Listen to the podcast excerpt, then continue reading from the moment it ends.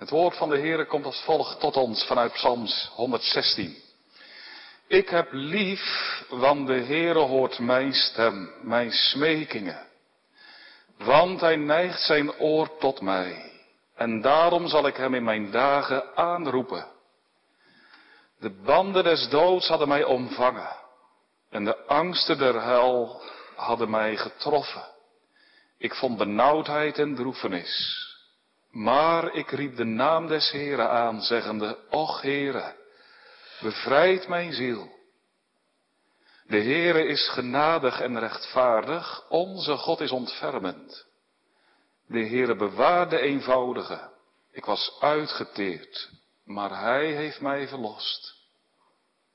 Mijn ziel keer weder tot uw rust, want de Heere heeft aan u wel gedaan. Want u, Heere, hebt mijn ziel gered van de dood, mijn ogen van tranen, mijn voet van aanstoot. Ik zal wandelen voor het aangezicht des Heeren in de landen der levenden. Ik heb geloofd en daarom sprak ik. Ik ben zeer bedrukt geweest. Ik zei in mijn haaste, alle mensen zijn leugenaars. Wat zal ik de Heere vergelden voor al zijn weldaden aan mij bewezen? Ik zal de beker der verlossingen opnemen en de naam des Heeren aanroepen. Mijn gelofte zal ik de Heere betalen, nu in de tegenwoordigheid van al zijn volk. Kostelijk is in de ogen des Heeren de dood zijner gunstgenoten. Och Heere, zeker, ik ben uw knecht, ik ben uw knecht, een zoon van uw dienstmaagd. U hebt mijn banden losgemaakt. Ik zal u offeren een offer van dankzegging en de naam des Heeren aanroepen. Ik zal mijn gelofte de Heere betalen, nu en in de tegenwoordigheid van al zijn volk, in de voorhoven van het huis des Heeren, in het midden van u, o Jeruzalem. Halleluja.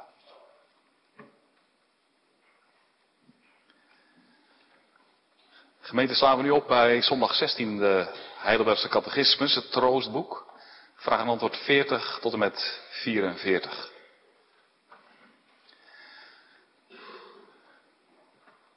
Waarom heeft Christus zich in de dood moeten vernederen? Daarom dat vanwege de gerechtigheid en waarheid Gods niet anders voor onze zonde kon worden betaald dan door de dood van de Zoon van God. Waarom is Hij begraven geworden?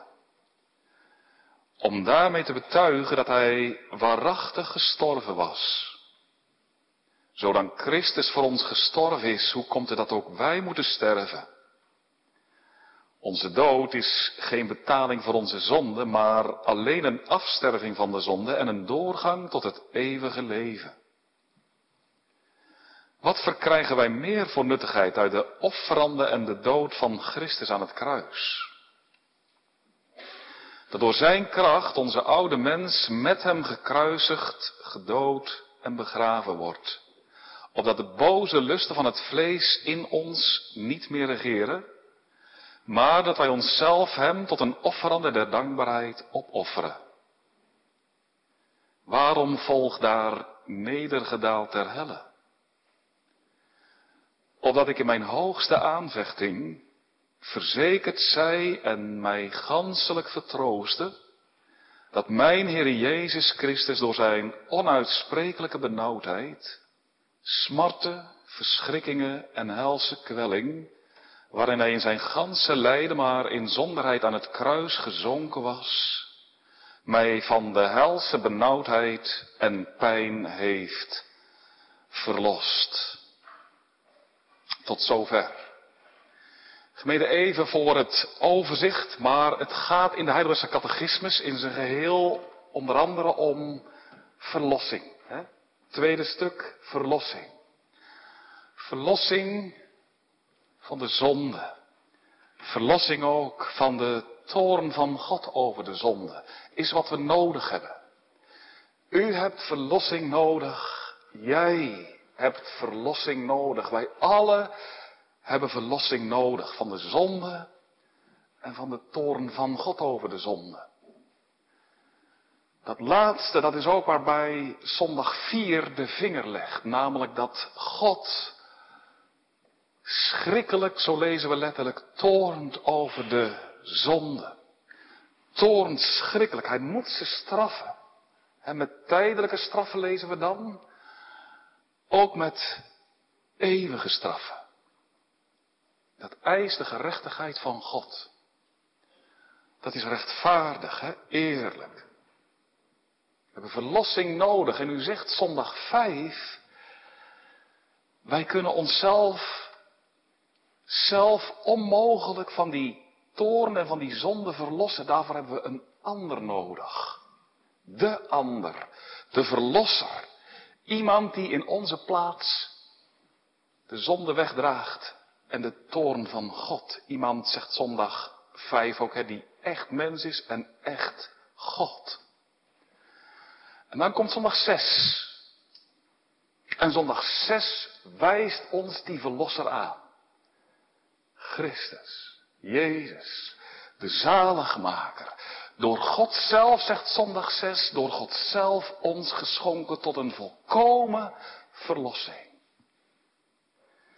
Nu op deze verlosser, deze Heer Jezus, zet de Heidelbergse catechismus vervolgens het volle licht in zondag 11 tot en met zondag 19. Op zijn persoon, op zijn werk, op wat hij heeft gedaan op aarde.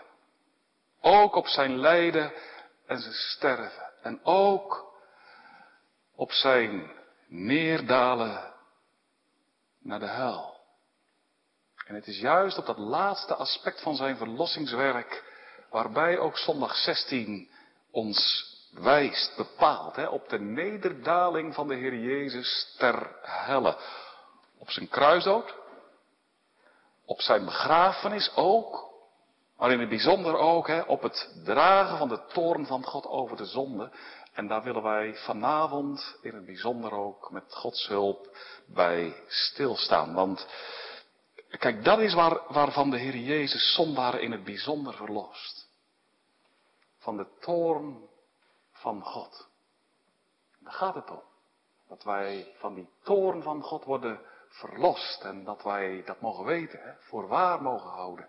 Wat een grote troost geeft dat. En nou, daar gaat het vanavond vooral ook over. En dat betekent dat we ons in het bijzonder richten op vraag en antwoord 44 en ja, ditmaal op mindere mate op vraag en antwoord 40 tot en met 43. Neergedaald tot in de hel is het thema. We hebben drie gedachten. In de eerste plaats de realiteit van de hel. Altijd belangrijk om ons dat er binnen te brengen, om daarbij te leven ook. Er is een hel. Op dit ogenblik. Een hel. De realiteit van de hel. Hel is ook ontzagwekkend huiveringwekkend. Het kan ook vragen in ons hart oproepen. Waarom een hel? Waarom straft God nu zo zwaar? Is dat echt nodig? Nu, daar wil ik ook kort op ingaan in de tweede gedachte. Als we letten op, en dat zeg ik wel met schroom, maar toch de redelijkheid van de hel. De hel is redelijk. Nou, waar hoop ik vanavond te laten zien?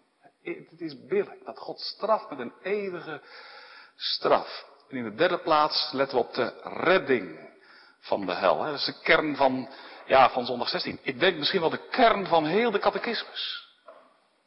Gered te mogen worden van de hel. Als je dat mag weten vanavond, geeft een hemels leven. Te mogen weten, oh hij voor mij aan het kruis. Nu, wat, wat, wat, wat antwoord 44 ook zegt, dat dat zo troostvol is om dat te geloven, dat Christus mij heeft verlost van de helse benauwdheid en pijn. Dus neergedaald tot in de hel. Dus het thema, de realiteit van de hel, de redelijkheid van de hel en ook de redding van de hel. Gemeente Franciscus Spira was in de 16e eeuw advocaat in Italië. Man van aanzien. Was aanvankelijk de leer van de reformatie van harte toegedaan. Mensen hadden hoge achting voor hem. En Franciscus Spira was zo'n 40 jaar oud toen hij ernstig ziek werd. En zijn ziekbed werd ook een sterfbed. Een smartelijk sterfbed. Na zijn overlijden verscheen er een boekje over. En het kwam in de afgelopen eeuwen tot op de dag van vandaag in veler handen. Het heeft ook op vele onuitwisbare indruk gemaakt. Want Franciscus Spira wist dat hij moest gaan sterven. Maar hij kon niet sterven. Hij was benauwd. Zijn geweten klaagde hem aan, onophoudelijk, voortdurend. Het sprak tot hem. Je hebt gezondigd. Tegen de Heere.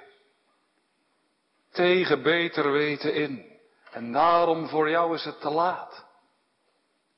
Jij kunt niet meer zalig worden. Te laat. Te laat. Klonk onophoudelijk in zijn hart. Voor eeuwig te laat.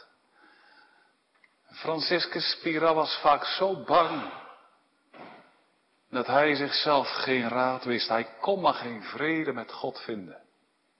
Hij vond geen rust voor zijn ziel, wat mensen ook tegen hem zeiden, welke woorden ze ook spraken. Zijn geweten liet zich niet stillen en ja, zo is hij ook gestorven. In grote benauwdheid. Heel aangrijpend. Velen hebben zijn heengaan ook gezien als een waarschuwing van Gods wegen. Om het niet tot op het laatst van je leven te laten aankomen. Om je bekering nooit uit te stellen. Want dan kan het te laat zijn. Voor eeuwig te laat. Dan kan het je vergaan zoals deze jonge advocaat. Franciscus Spira ervoor voor zijn heen gaan al iets van de spranken van het helse vuur. Dat was voor hem geen gedachte, geen verzinsel. Hij was ontwaakt. Het was voor hem realiteit, werkelijkheid. En dat is ook wat en zal altijd in voorzichtigheid dat we erover spreken mogen, moeten ook. Maar dat is wat de hel is. De hel is een werkelijkheid. Houdt de Heer ons voor ook in zijn woord. En daarom moeten wij dat elkaar ook voorhouden. Steeds weer. Er is een hel. Altijd met schroom erover spreken. Mensen die het woord te pas en te onpas gebruiken, ik heb daar altijd moeite mee. Laten wij dat nooit zo doen. Maar laten we er ook niet over zwijgen. Hè? Dat doet het woord van de Heer ook niet. Mogen we ook niet doen. Laten we er oprecht over spreken. Is ook wat zondag 16 doet. Van de Heidelbergse catechismus. Ze heeft het over helse kwelling en helse benauwdheid. En is dat ook niet wat de hel tot een hel maakt? Kwelling, benauwdheid, hè? Dat, je, dat je je geen raad weet. Dat je niet weet waar je het zoeken moet. Dat je in paniek bent, vervuld met vrees, angst, altijd. Het is goed om vanavond bij stil te staan. Daarom wil ik dat ook doen. Altijd moeten we er weer op gewezen worden, moeten weten waarom het in ons leven gaat. We moeten weten ook waarvan we verlost moeten worden. Hè? Van de zonde, van de toorn van God over de zonde. God toornt schrikkelijk over de zonde en daarom is het dat we vanavond spreken over wat zo erg is, de hel. En dat met maar één doel, opdat we ervan verlost worden. Daarom gaat het vanavond hierover, in het bijzonder. Opdat we alle, dat is onze hartelijke wens, onze beden, mogen ook echt wel voor elkaar bidden. Dat we geen rust zullen hebben totdat we mogen weten dat we alle behouden zijn. Behouden van de ontzagwekkende toorn van God. Nu, de hel, hè, dat is waarop de catechismus ook zo ernstig wijst, is een plaats waar God toornt op zondaren. Daar roepen alle mensen uit wat we samen hebben gelezen, ook in Psalm 116, de dichter van Psalm 116 het zegt, maar als, als wij het zingen, ja, dan zingen we het in de verleden tijd, maar in de hel, ja, wordt dat niet in de verleden tijd gezongen, maar in de tegenwoordige tijd. Ik lig gekneld.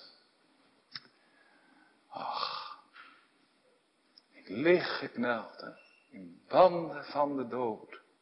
Waar de angsten der hel mij alle troost niet deden missen, maar doen missen. Ik was benauwd, nee, ik ben benauwd. Omring door droeve nissen. Heer Jezus heeft in zijn leven op aarde heel geregeld over de hel gesproken. Als je al zijn woorden zeg maar verzamelt en, en, en, en dat, dat dan nagaat, dan, dan blijkt dat 10%, een tiende deel van al zijn woorden, hè, gaan hierover. Nu hij zegt, hè, wat, wat hij zegt, het blijkt hè, dat de hel een plaats is. Een plaats van verschrikking bestemd voor hen die in hun zonde sterven. En dat om daarvoor eeuwig bij vol bewustzijn de toorn van God over de zonde te dragen. Het is een plaats. Een plaats van verschrikking. Hè? Dat zegt de Heer Jezus. Een plaats. Matthäus 25, vers 13, daar zegt de Heer Jezus, hè, werp de onnutte dienstknecht uit in de buitenste duisternis en daar, in die plaats, zal zijn wening en knersing der tanden. Een plaats. Waar zij die in hun zonde sterven voor altijd verblijven, voor eeuwig. Dat zegt de Heer Jezus ook, hè? Hij spreekt in Matthäus 25, vers 46 over het eeuwige vuur. waar de worm niet sterft. Het eeuwige vuur. Vuur dat nooit dooft. Als je, als je onbekeerd sterft, dan zul je voor altijd daar zijn. Voor altijd. Geen tien jaar. Geen honderd jaar. Geen duizend. Eeuwig. Vanmiddag hadden we even een gesprekje aan tafel. En toen noemde mijn vrouw het voorbeeld van een lange draad. Ze zegt, als je nou een draad hebt, hier van de tafel beginnen en dan zo helemaal uitrollen naar drie bruggen. Die draad, zegt ze, is de eeuwigheid. Ons leven, zegt ze, is zo kort. Hè? Dat is maar een, een heel klein stukje op die lange draad. Als je heel die draad neemt, maar een centimeter. O, de eeuwigheid. Geen einde. Boven de tijden uit. Nooit meer zal daar een einde aan komen. Dan zul je altijd de toorn van God ervaren. Zijn wel mensen die zeggen van, in de hel daar is God niet. Dan ben je juist van God verlaten. In zekere zin is dat zo, maar in zekere zin is dat tegelijkertijd ook niet zo. God is wel in de hel. Maar als een vertoornd wezen. Tegenover je. Met kracht en majesteit. Met diepe verontwaardiging. Hè? Vertoornd vanwege dat wat je hebt gedaan. En dat zul je dan ook echt beseffen. Terecht. Dat God op mij vertoornd is. Oh, Huiveringwekkend, hè? Psalm 90 zegt Mozes, wie kent toch de sterkte van uw toorn? En de schrijver van de Hebreeënbrief schrijft in hoofdstuk 10 vers 31 dat het vreselijk is om te vallen in de handen van de levende God. En je zult je dat ook ten volle bewust zijn. Hè? Dat ook, dat blijkt uit de gelijkenis die de Heer Jezus uitspreekt over de arme man en de, de arme, de arme Lazarus, de rijke man en de arme Lazarus, hè? Lucas 16. Als die rijke man sterft, dan slaat hij de ogen op in de hel. En dan is hij zich dat ook bewust. Ik leid, horen we hem zeggen, ik leid smarten in deze vlam. Ach, wat zal het zijn om verloren te gaan. En dat helemaal als je het evangelie hebt gehoord. Als je bekend bent met de boodschap van heil en van redding, dat zegt de Heer Jezus ook in diezelfde gelijkenis, dan zul je met dubbele slagen worden geslagen. Dan, dan zul je ook zien hoe eenvoudig het was om zalig te worden. Hoe ruim het was van Gods zijde. Dan zul je zeggen, oh, kon ik nog maar één minuut terug. Dan zou ik me tot inkeer laten brengen meteen. En vluchten naar de Heer Jezus Christus. Zou ik nog één minuut terug kunnen. Kan niet. Zul je eeuwig spijt hebben, eeuwig berouw, altijd maar uitroepen, had ik maar, hè? had ik maar. Had ik toch maar acht geslagen op het woord. Had ik maar acht geslagen op de prediking. Eigen schuld dat ik nu smarten leid in deze vlam. Nu, laat het tot je doordringen. Zeker als het nog nooit tot je doorgedrongen is. Er is een hel. Ik heb thuis een boekje. C.S. Lewis, Stemmen uit de hel.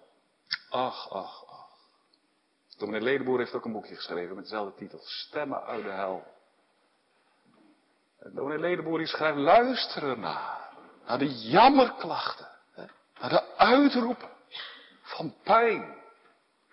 Neem er acht op. Wordt je verkondigd. Niet opdat je in de wanhoop zou terechtkomen, integendeel. Maar juist opdat je de toorn van God zult ontvluchten. Opdat je vanavond nog, dat kan hè. Oh ja zeker, daarom verkondigen we het ook vanavond. Opdat je vanavond nog zult uitgaan tot Hem die zo vriendelijk nodigt. De Heer Jezus Christus. En die nu bereid is om in de plaats van zondaren. Die helse angsten, benauwdheden op zich te nemen. Nu, schuil bij deze Heer Jezus. Onze eerste gedachte. Realiteit van de hel. Onze tweede gedachte is, ja, dat is een vraag. Kijk, dan ben je bezig met een voorbereiding en, en, en ik dacht, ik wil het vanavond hè, hierop richten. Het is natuurlijk een brede catechismus, veel vragen. Andere keer komen de andere vragen en antwoorden meer aan bod als de Heer dat geeft. Maar vanavond dit.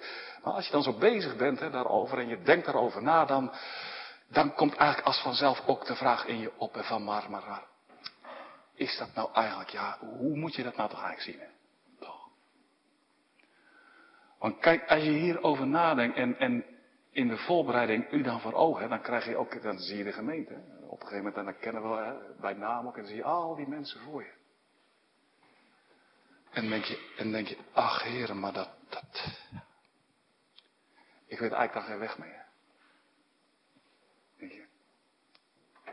Eén van ons verloor, dat is toch, hè? Daar kun je toch niet over denken? Hoe moet je het dan zien? Als mensen verloren. Er gaan vele mensen verloren. Er zijn al vele mensen verloren. Is dat nou, ja, is dat, is dat nou eigenlijk eerlijk? Toch? Heb je dat niet? Hoe kan dat nou toch eigenlijk? Nou, vandaar ook dat ik in die tweede gedachte daar op in wil gaan. Is het nou rechtvaardig dat God de zonde zo zwaar straft, toch? Dat, kan een vraag zijn, toch? De redelijkheid van de hel, daar kun je mee zitten. Is het redelijk dat God als zondaren één keer zondigen, ze voor altijd pijn laat lijden?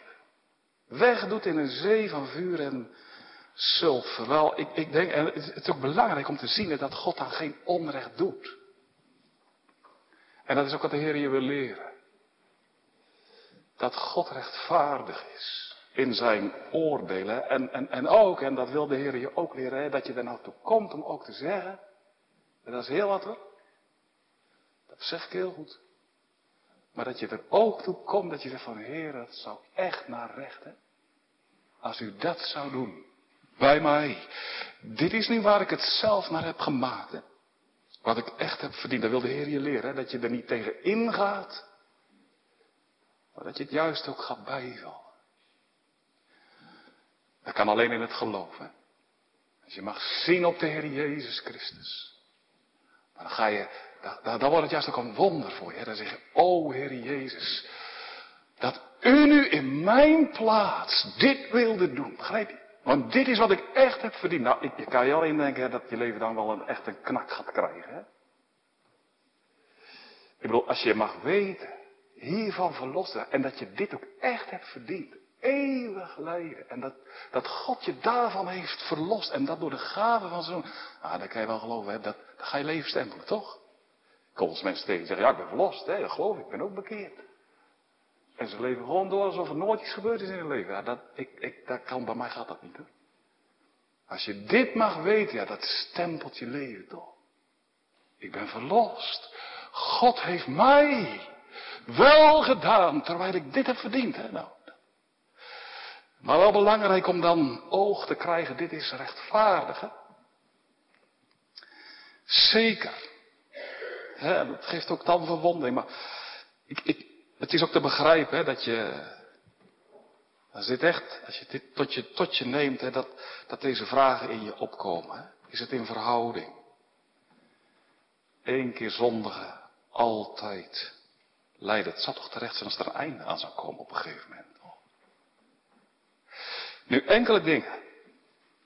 In de eerste plaats is het redelijk, is het eerlijk. In de eerste plaats heel belangrijk om te zien het grote kwaad van de minste zonde die wij bedrijven. Elke zonde is een grote ongekende minachting van God. Met de minste zonde ga je in tegen de goede wil van God, tegen de wijze wil van God. Je zegt eigenlijk, ja, de wil van God, ja, dat, dat, dat, dat, dat zegt maar gewoon helemaal niks. De wil van God, nou, daar zit ik eigenlijk niet mee. Ja, dominee, maar dat is toch eigenlijk ook niet zo heel erg? Nou, hoe zou u dat eigenlijk vinden als er een soort overleg is hè, over iets en een belangrijk besluit moet worden genomen en je bent dan bij elkaar en er is een vergadering en dat gesprek wordt geleid en dan zeg jij ook, hè, je wil ook je inbreng hebben. Dus ja, je hebt ook je standpunt erover en dan zeg je iets. Ik zou dit eigenlijk, ja, je zegt dat ook in bescheidenheid. En dan zegt gewoon iedereen in die vergadering, wil je even zwijgen? Jouw wil doet er niet toe. Hoe zou je dat vinden? De wil van God. Die goede wil. Heilige wil. Die veracht je. Dat neemt God heel hoog. Zo hoog. Eigenlijk zeg je daarmee, de wil van God die doet er voor mij niet toe. Maar je zegt eigenlijk daarmee, u, God, doet er voor mij niet toe. God. God doet er niet toe. Niet een hoog mens, niet een belangrijk mens, niet een koning, een president. God die van eeuwigheid tot eeuwigheid verheven is en ontoegankelijk licht bewoont, zo vol heerlijkheid en heiligheid. Nu te zondigen tegen deze eeuwige God, dat maakt ook dat God eeuwig straft. Ach. Nou, dat is eigenlijk het eerste. Wat ook belangrijk is om te zien, is dat God zelf de strafmaat bepaalt. Ja, wij gaan daar niet over, nee. dat zeker niet. Ik sprak een man die verscheen voor de rechter. En hij zegt, dat maakte diepe indruk op me. Want ik zat daar en daar zat die rechter. Aardse rechter. Ik wist één ding heel zeker. Hij gaat erover. Hij bepaalt wat er met mijn leven gaat gebeuren. Hè? Dat is in zijn hand. Nou, zo is het ook geestelijk. Hè? Wij staan tegenover de hemelse rechter. we hebben zwaar gezondigd, hè? niet maar één geringe zonde, maar vele. Zal de hemelse rechter niet bepalen welke straf wij ontvangen? Zullen wij dat bepalen? Zullen wij daar iets over te zeggen kunnen hebben? Ach nee toch. Nee toch. Dan zal God ook geen God meer zijn. Maar zouden wij daar nou over gaan? Zouden wij nou tegen de rechter kunnen zeggen, ja, ik heb het wel gedaan, maar ik wil wel dat u mij deze straf oplegt. Ach nee, dat bepaalt God zelf. De Heere bepaalt het. En dit is ook tegelijk zeker, de straf die God uitdeelt is ook rechtvaardig en goed voor ons niet te begrijpen. Toch rechtvaardig, anders zou God geen God zijn. God is goed, God is rechtvaardig. Ja, wat ik ook wil zeggen is eigenlijk het derde, God straft eeuwig, dat dat ja, redelijk is. Dat komt ook omdat zondaren in de hel blijven zondigen. Zij gaan daardoor in de zonde. Zij buigen nou nooit onder dat oordeel van God. Dat kunnen ze ook niet. Ze bijten eigenlijk in de stok. Ze zijn het er nooit mee eens. Ik denk ook wel dat dat, dat maakt ook wel de hel uit. Hè? Dat je er nooit onder kunt buigen. Als je eronder kunt buigen en je kunt zeggen, ach heren, dit heb ik echt verdiend. Hè? Dit is nu wat ik waardig ben. Dan is de hel geen hel meer. Maar omdat je je er nooit zult kunnen mee kunnen verenigen, omdat je er nooit van harte mee zult kunnen instemmen, altijd in verzet zult blijven leven tegen wat God doet, is er altijd in je hart, ja, ergernis, hè, bitterheid. Blijf je altijd zondigen en daarom is het ook dat God altijd blijft toornen. Nou, de straffen van God zijn niet onredelijk, rechtvaardig en tegelijkertijd, en dit wil ik er ook echt aan toevoegen, heel belangrijk, dat we mogen zeggen dat God nu met elk mens bewogen is op weg naar de eeuwigheid. Juist ook met hen die onbekeerd zijn.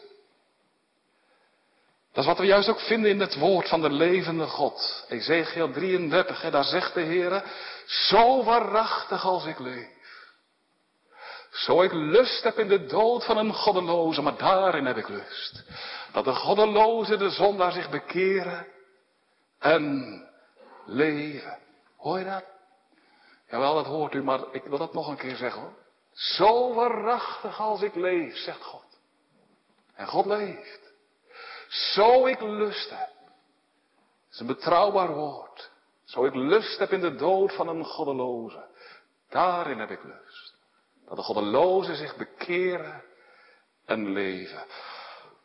Ernstige. De realiteit van de hel. Wel, laat onszelf geen rust gunnen. Totdat wij op goede gronden mogen zeggen. Zondag 1. Ik ben het eigendom van de Heer Jezus. Hou je niet op de been met een, ja, dat is in onze dagen een, een, punt, hè? Een tijdgeloof. Historisch geloof wat niet echt is. Niet doen. Hè? Ik geloof zeker. En ik ben er ook ernstig bij en het raakt me ook af en toe wel. Ik geloof wel dat ik het eigendom ben van de Heer Jezus. Hij is naar deze wereld gekomen, dat houd ik voor waar. Hij is voor mensen gestorven, hij is ook voor mij gestorven. Nee, het gaat om een persoonlijke ontmoeting hè, met de Heer Jezus. Om een persoonlijke openbaring van de heiland door het evangelie in je hart. En vaak gebeurt dat hè. Bij de ene helderder dan bij de ander. Als je geen kant meer op kunt. Als de Heer je vastzet. In het varkenshok. Je zegt, oh God. En hij komt van de andere kant. Van de andere kant. Als je zelf geen uitkomst meer weet, dan is het de tijd waarop de Heer Jezus Christus zich aan zondaren bekend maakt. Nu, de derde gedachte, dat brengt ons erbij, de redding van de hel. Hè? We hebben gelet op de realiteit ervan, de rechtvaardigheid ervan, nu de redding. Want juist dat ook is waarom de Heer Jezus naar deze wereld is gekomen, hè? om de straf te dragen die wij ons hebben waardig gemaakt. Hè? Om te lijden, te sterven. Ja, en ook neer te dalen in de afgrond van de helse pijnen. Dat is wat wij elke zondag beleiden. Hè? Vanavond nog. Hè?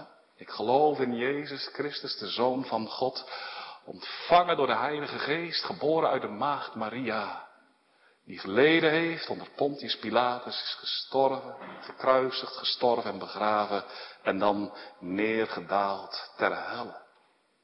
Hij is neergedaald ter helle. Wat wil dat zeggen? Neergedaald ter helle, antwoord 44 geeft het op indrukwekkende wijze weer. Hij is, zegt antwoord 44, ja, gezonken in onuitsprekelijke benauwdheid. Smarten, verschrikking en helse kwelling. Hoor je dat? Hij is gezonken, verzonken. In onuitsprekelijke benauwdheid. smarten, verschrikking en helse kwelling.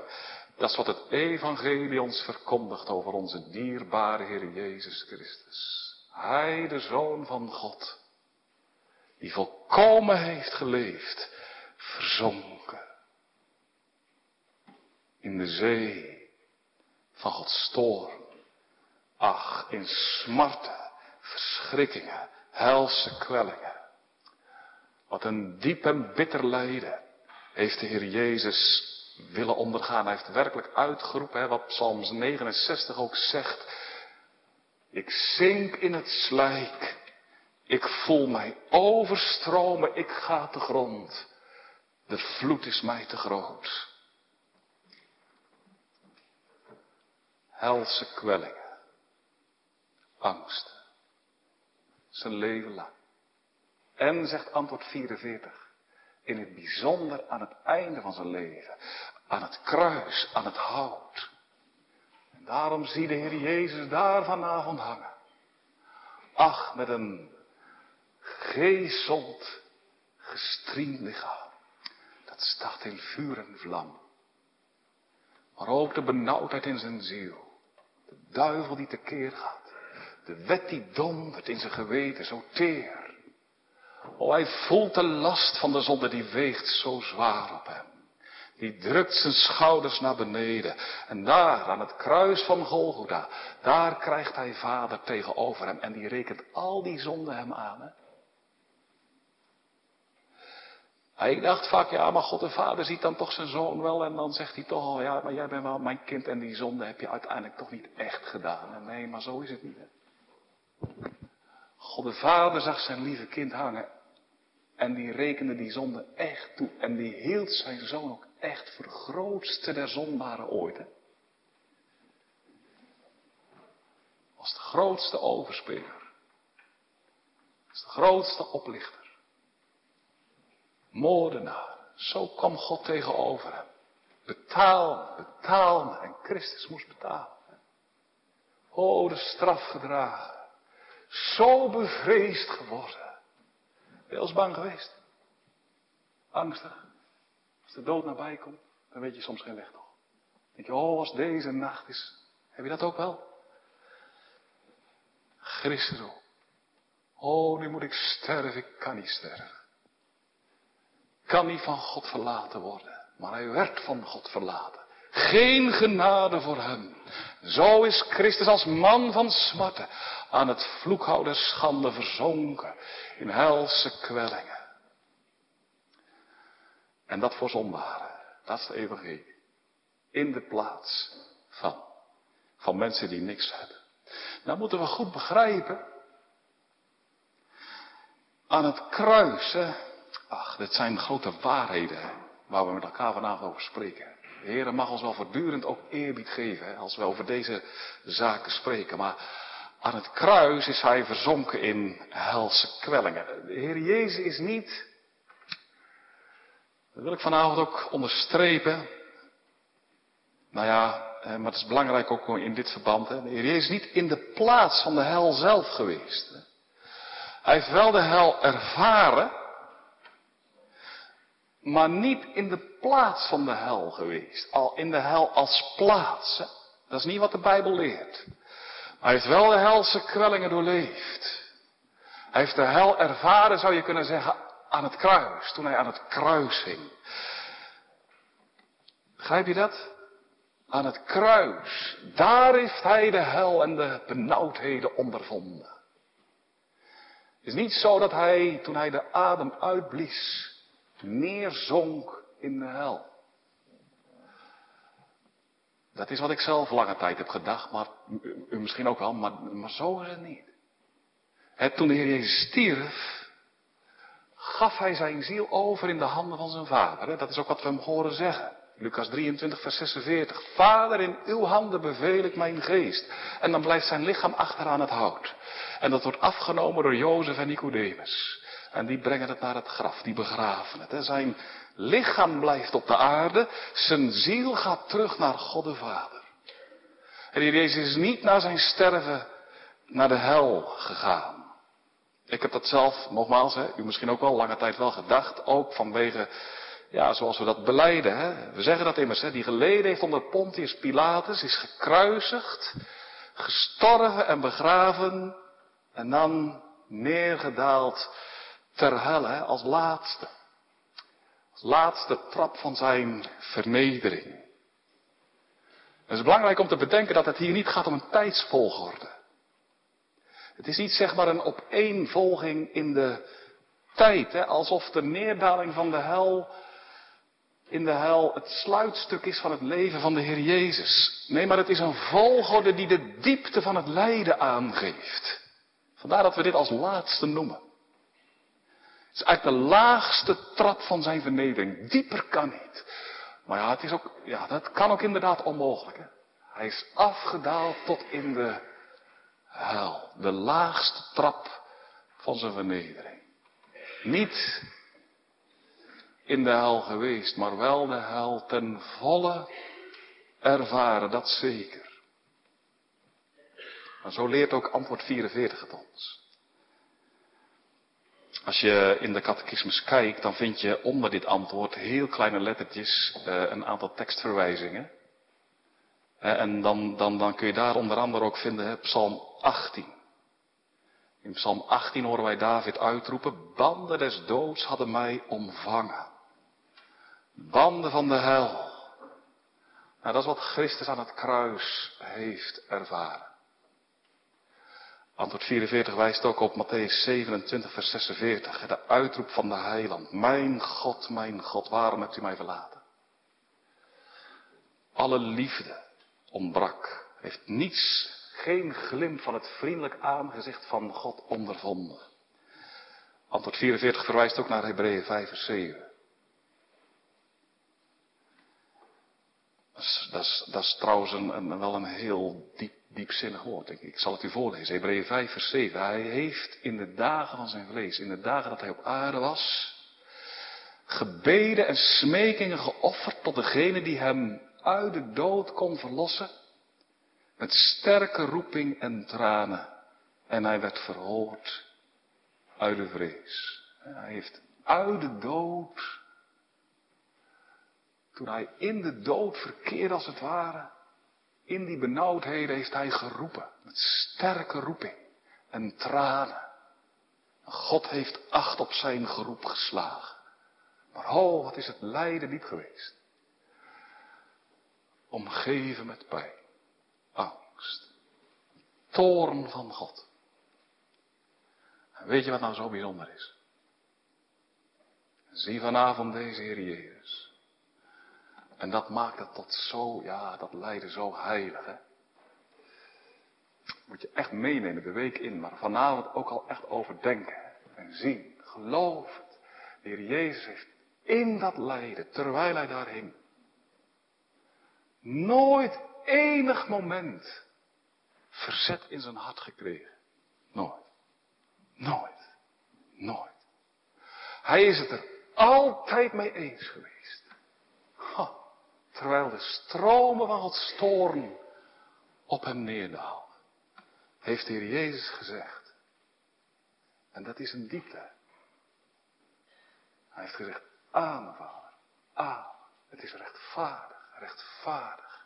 U handelt goed, eerlijk. Ik buig onder dit vonnis. Hij heeft er ten volle mee ingestemd. Nou, hij was het ermee eens. Mee eens. Vader, dit is wat ik me waardig heb gemaakt. Ik in de plaats van alle die u mij hebt gegeven. Niet het minste spoortje verzet. Hij boog onder het recht. Uw doen is rein. Uw oordeel gans rechtvaardig. Nu, zie deze Heer Jezus vanavond. Deze redder. O zijn er vanavond onder ons. Die vrezen die zeggen, ik moet sterven, ik kan niet sterven. Zie vanavond deze heiland, Heer Jezus Christus.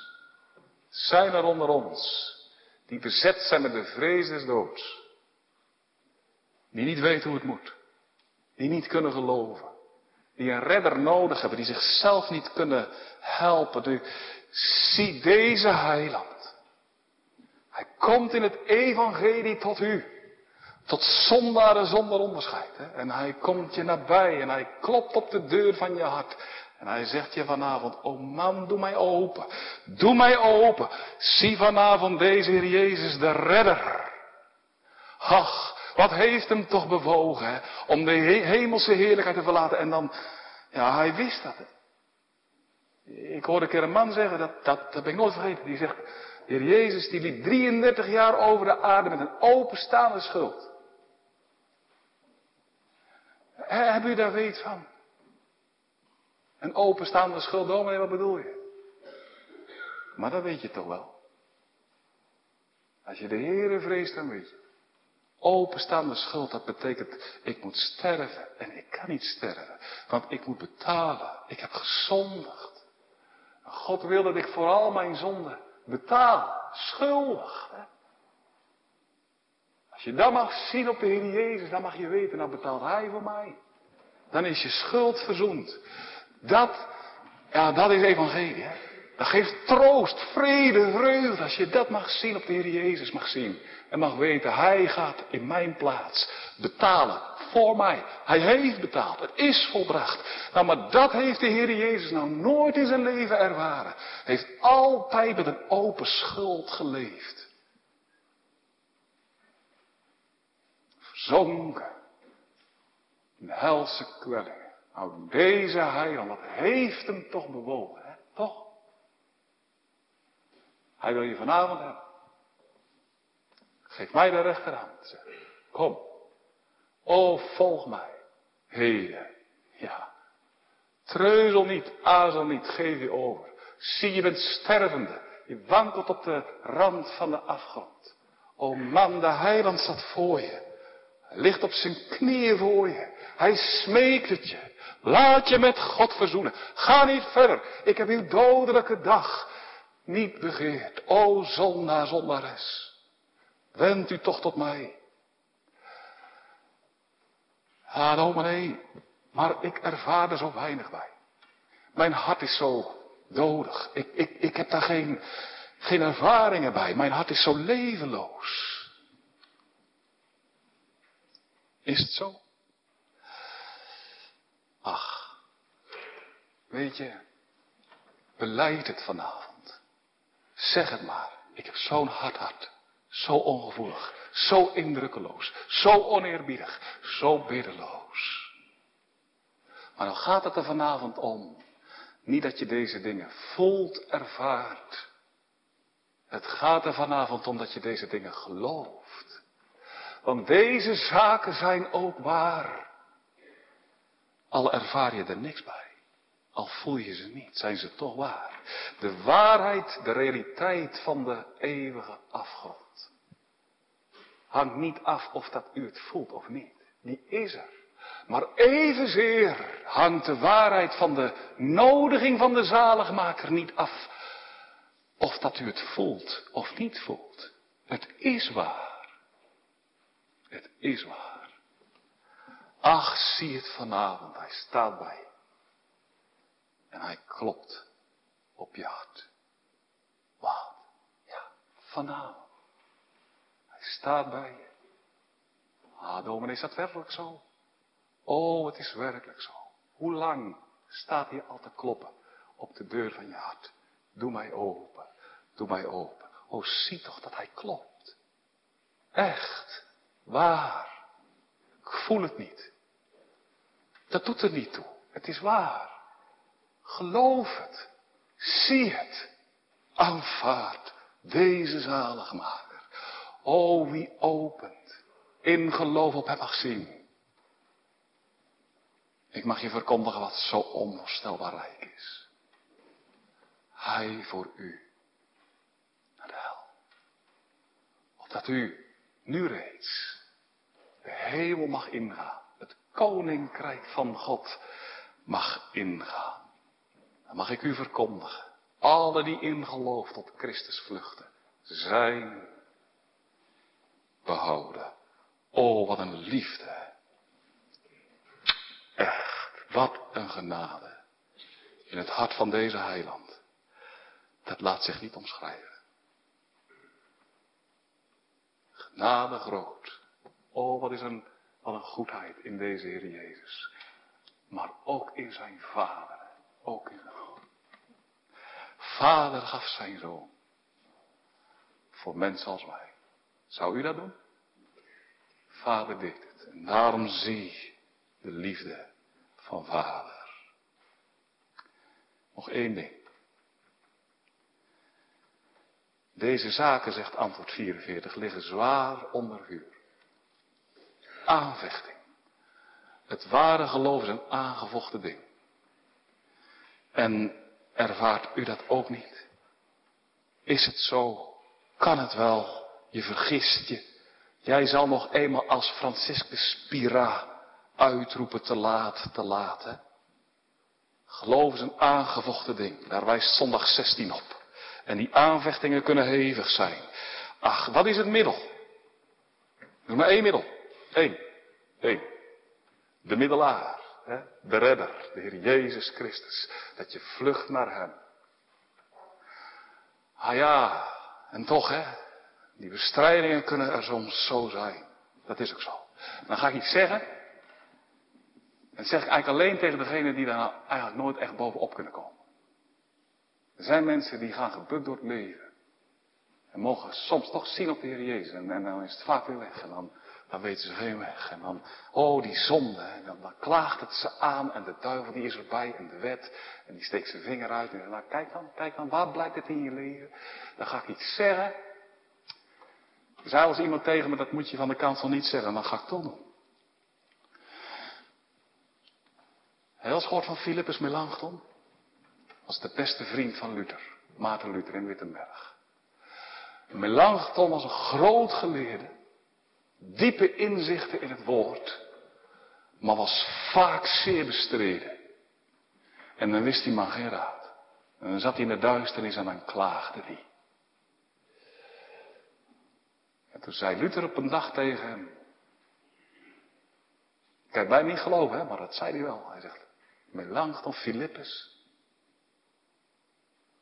je moet eens een kleine zonde doen. Een kleine zonde. Een kleine zonde. En als je dan die zonde hebt gedaan, dan moet je tegen de duivel zeggen, ik heb met jou niks te maken. Niks.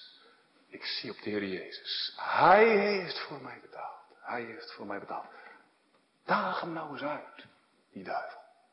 Daag hem eens uit. Doe eens een kleine zonde. En dan moet je zeggen, dat mag jij niet doen. Maar ik wel. Ik heb een heiland. Ach, grote. Nou, Luther bedoelde niet te zeggen, ga maar de brede baan op. Nee, nee, nee, nee. Maar hij zegt, wees nou niet eens zo benauwd. Zie het onder ogen wie je bent. Maar ga dan naar hem, Christus Jezus. En als je op hem mag zien, dan ben je veilig. Nu, altijd. En dan is hij erbij hoor, in het uur van je sterven. Dat ook. Oh, dat kan je zien op Franciscus Spira. Maar het kan ook heel anders. Daar ga ik mee eindigen. Man in Friesland. Ach, die wist het ook niet, hè? Kwam in het ziekenhuis. Hij zei, ik moet sterven, dominee. Ik kan niet sterven. Hoe moet het toch? En toen ging hij naar huis, uitbehandeld. En toen zocht hij hem op, het einde, Jurien. En kwam er binnen. Hij lachte ons tegemoet. Hij zei, dominee, ik zie hem, ik zie hem. Hij is daar aan de rechterhand van vader. En hij zegt, kom, kom. Nog even, zegt hij. En dan haal ik je. Die man die was, die lag te juichen. Op zijn sterrenbed. En zo is hij ook heen gegaan. Lovend, zingend. Halleluja. Dat was op zijn lippen. Loof God. Loof zijn naam alom. Nou, zo kan het, hè. De belofte van de Heer Jezus. En ze zullen de dood niet zien. Nu zie op deze heiland en gun hem alle eer. Amen.